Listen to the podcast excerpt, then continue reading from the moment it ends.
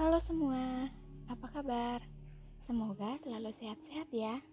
Perkenalkan saya Rizi Madinatul Jannah dari Universitas Pendidikan Indonesia kelas Pendidikan Teknik Arsitektur 2020A.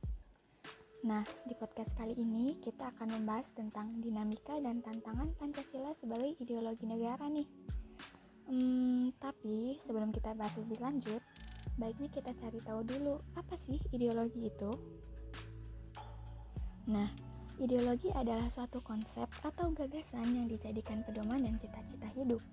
Pancasila sebagai ideologi negara berarti sebagai dasar sistem penyelenggaraan negara bagi seluruh warga negara Indonesia.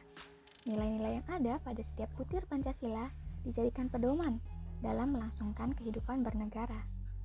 Tentunya di dalam perjalanan Pancasila sebagai ideologi negara terdapat dinamika dan tantangannya sendiri. Jadi, kita akan fokus membahas dinamika dan tantangan Pancasila pada saat ini terutama di era globalisasi. Dinamika Pancasila di era globalisasi sekarang ini mengalami pasang surut dalam pelaksanaannya. Era globalisasi menunjukkan kemajuan teknologi yang berkembang pesat dan menyebabkan moral serta karakter yang menjadi cerminan kepribadian bangsa Indonesia mengalami pergeseran.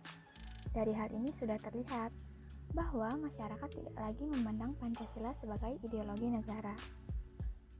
Masalah karakter dan moral ini menjadi topik yang hangat dibicarakan dengan melibatkan para pemimpin politik dan para akademisi.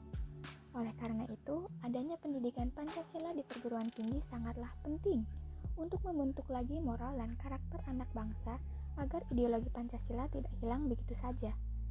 Tentunya, dinamika dalam mengaktualisasikan nilai Pancasila ke dalam kehidupan bermasyarakat adalah suatu keniscayaan agar Pancasila tetap selalu relevan dalam memberikan pedoman dalam kehidupan berbangsa dan bernegara.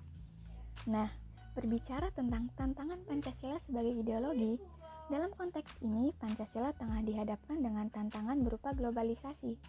Dengan mudahnya mendapatkan informasi, maka nilai-nilai budaya barat yang sangat bertolak belakang dengan nilai Pancasila masuk ke negara kita.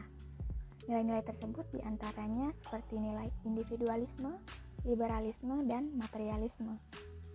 Nilai individualisme telah menggeserkan nilai kolektivitas masyarakat Indonesia.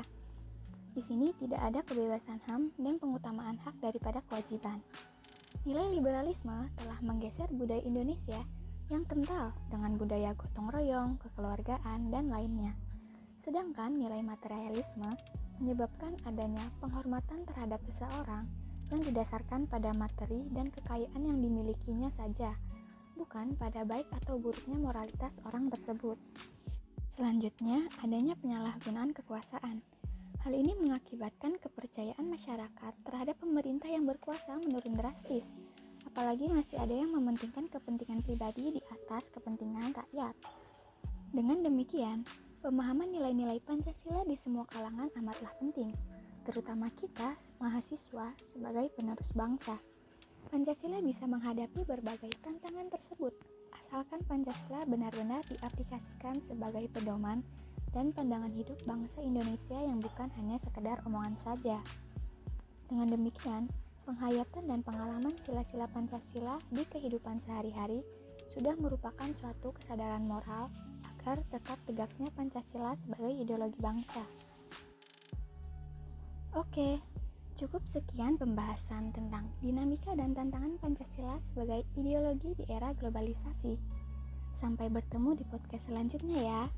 Terima kasih.